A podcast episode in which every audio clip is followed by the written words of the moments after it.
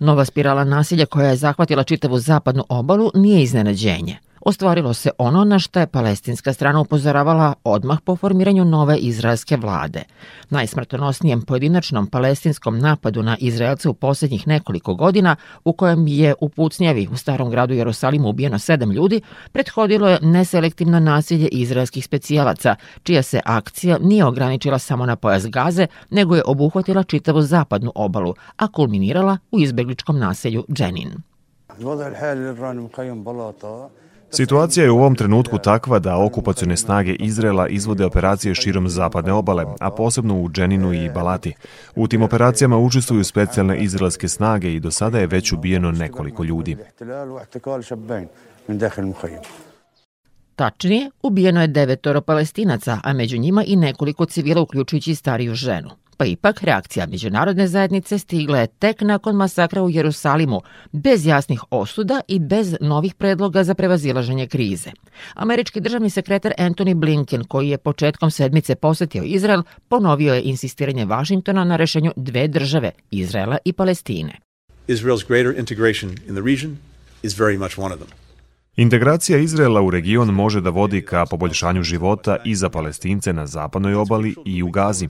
Najbolji način da to ostvarimo je očuvanje, a onda i ostvarivanje vizije dve države – Rekao sam premijeru da je sve što nas udaljava od te vizije štetno po dugoročnu bezbednost Izrela, ali i po njegov identitet jevrejske demokratske države. Zato pozivamo sve strane na hitno uspostavljanje mira, deeskalaciju i uspostavljanje bezbednog okruženja za Izraelce i za Palestince. Takođe, ostajemo posvećeni podršci verskom suživotu, uključujući i istorijski status quo u Jerusalimu.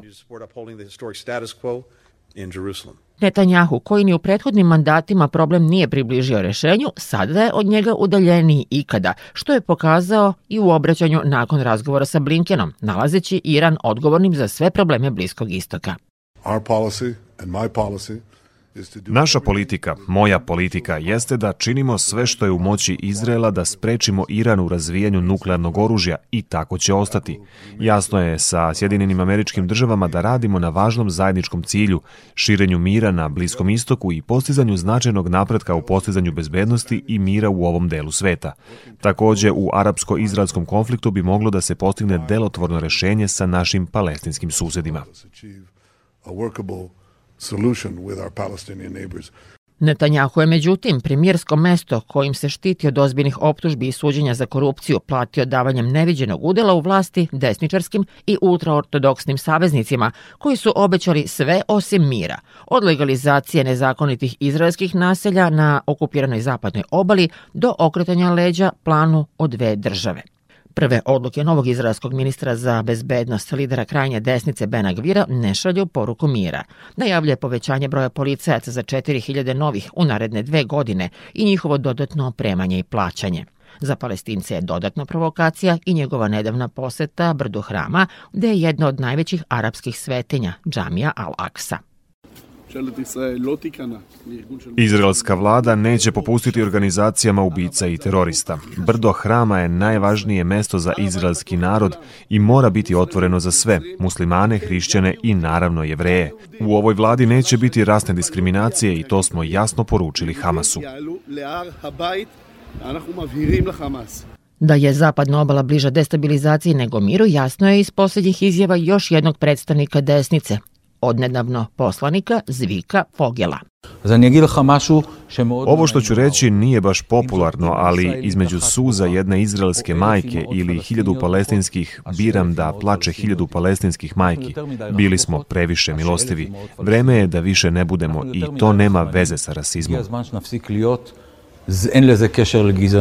Ovo je dodatno onespokojilo žitelje palestinskih oblasti. Ovde se živi tako da kada idete na spavanje ne skidate odeću jer ne znate kada će vam neko razvaliti vrata i upasti u kuću. To je strašno. Ako vas dete gađa kamenom, hoćete li izvaditi pištolj i ubiti ga? Ovo zdrav razum ne može da prihvati. Guverner Nablusa Ibrahim Ramadan upozorava na to da takva retorika i učestale političke provokacije vode i vraćaju na scenu palestinski ustanički pokret Intifadu. Mislim da se intifada vraća. Da, očekujem da ćemo imati treću intifadu. A zašto? Zato što više nema nade za moj narod. Direktor Međunarodnog instituta za bliskoistočne i balkanske studije Bahtjar Aljav očekuje u narednim mesecima povratak na stanje zamrznutog konflikta, krah sadašnje izraelske politike, ali i Netanjahua, čije odluke analitičari vide kao političko samoubistvo. On samo da ne ide pred sud, on je spreman na sve. On, na primjer, dao e, glavnu riječ desničarima. Usprkos tome što unutar njegove desničarske stranke Likud već od polovica su bili protiv toga da se događa to.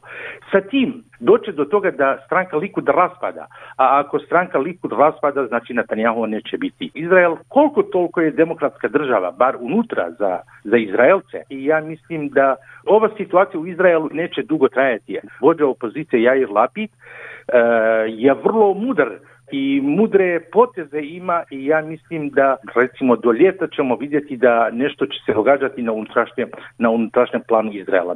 U prilog tome govore i nikad veće unutrašnje političke podele i bitke Izraelaca za bolju državu. Desetine hiljada njih iskazalo je svoj stav u protestnoj šetnji ulicama Tel Aviva. We gave a lot Dali smo mnogo za ovu državu i duboko se nadam da će moje četvoro dece imati drugačiju državu i vladu. Vladu pravde i pred kojom smo svi jednaki.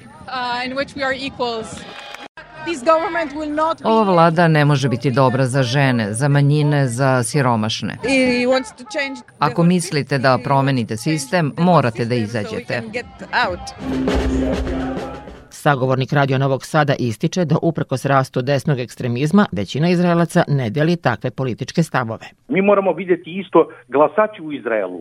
Zašto su išli u desno? Išli su u desno zbog opet neko razočaranje sa ekonomskom politikom bivše vlade. Nije zbog toga da su htjeli palestinsku zemlju da uzmu ili da su protiv palestince. Nego oni su išli za, za nekoga koje govori njima o neku, neku perspektivu što se tiče ekonomije. Bahtjar Aljav ukazuje i na slične političke borbe među palestincima. Izrael nije očekivao uh, da tako bude neki otvor na zapadnoj obali, jer zapadna obala donekle je bila pod uh, recimo kontrolom Mahmuda Abasa ili predsjednika palestinske samouprave za razliku od Gaze ali sada smo vidjeli na dva mjesta, to znači u izbjegličkom kampu u Dženinu i u Nablusu. U Nablusu su počeli već početkom decembra neke akcije koje su mladi solo, znači ne pripadaju ti mladi ljudi, ne pripadaju niti Hamasu, niti islamskom džihadu, niti ikome. To je samo dokaz da mladi u Palestini ili na području palestinske samouprave ne vide nekog perspektivu, neko rešenje. Jer ovo dugo traje. Ako mi idemo do početka 90. godina kada je bio sporazum u Oslovu potpisan između palestinske samouprave i Izraela, do danas ništa nije se promijenilo. Možemo reći da sve je gore i gore što je bilo. Umeđu vremenu stasavaju nove militantne grupe palestinaca, veoma mladih i do zuba naoružanih, koji smatraju da su političari previše blagi. Ujedinjeni u različitim frakcijama, ali sa istom idejom, oni su ti koji vladaju ulicama palestinskih regiona, dajući Netanjahovoj vladi argumente za nasilne akcije. Okupatori, cionisti, međunarodna zajednica trebalo bi da razumeju kakve su posledice delovanja ove ekstremne vlade. Narednih dana biće nastavljena represija protiv našeg naroda i naravno da će uslediti reakcija. Nećemo ćutati i stajati spuštenog oružja.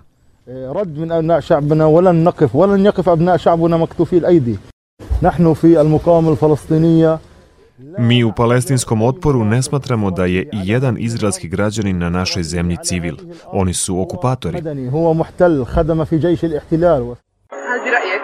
Oni su okupirali našu zemlju. Kada se to desi, zar ne želite da ih izbacite? Nisu odavde, nego su stigli iz celog sveta. Dolazili su u grupama i naselili se ovde. Zato što je ovo naša zemlja. Kao religija su dobrodošli, ali kao narod ne mogu da žive sa nama jer nisu autohtoni. Više su poput putnika. Ne mogu da oduzmu našu zemlju samo zato što su rešili da žive ovde. They can't take our land because they, they want to live, live here. Oduvek je u Palestini bilo jevreja, ali oni koji su stigli iz Evrope i Amerike su za nas okupatori. Do 1948. ovde je bilo 400 sela koje su kasnije jednostavno zbrisane. Činjenica jeste da u ovom trenutku razvoj situacije zavisi od dve strane, Vašingtona i Moskve, koja i dalje ima snažan uticaj na bliskoistočne zemlje, objašnjava Bahtjar Aljav. Za sada nema ništa, Amerikanci nemaju šta nuti, Amerikanci su vrlo zauzeti sa, sa ukrajinskom krizom, sa Kinom. Mi smo videli da Blinken pre neki dan uh, u Izraelu vrlo dobre poruke je poslao, ali te poruke moraju biti u dijelu, a za sada ništa ne događa se u dijelu. Uh, mi moramo gledati na to šta će biti u naslednjim mjesecima u rusko-ukrajinskom ratu, jer ovde mnogo zavisi od Rusije, pošto Rusija ima to vrlo jak utjecaj, nikad nije imala jači kao što je danas. Danas oni imaju vrlo dobre odnose sa Emiratima, sa Saudijskom Arabijom, sa Egiptom. Znači, Ti tradicionalni američki saveznici danas su saveznici bar na što se tiče unutar OPEC plusa sa Rusijom. Od početka godine u napadima u pojasu Gaze i na zapadnoj obali ubijeno je 35 Izraelaca i 150 palestinaca i to je tek početak ovogodišnjeg crnog bilansa. Odnosi dveju strana decenijama se zasnivaju na principu korak napred, nazad dva, u kojem se uspehom smatra čak i povratak na status quo, zamrznuti konflikt za koji već više od pola veka nema rešenja. Svet sa naslovnice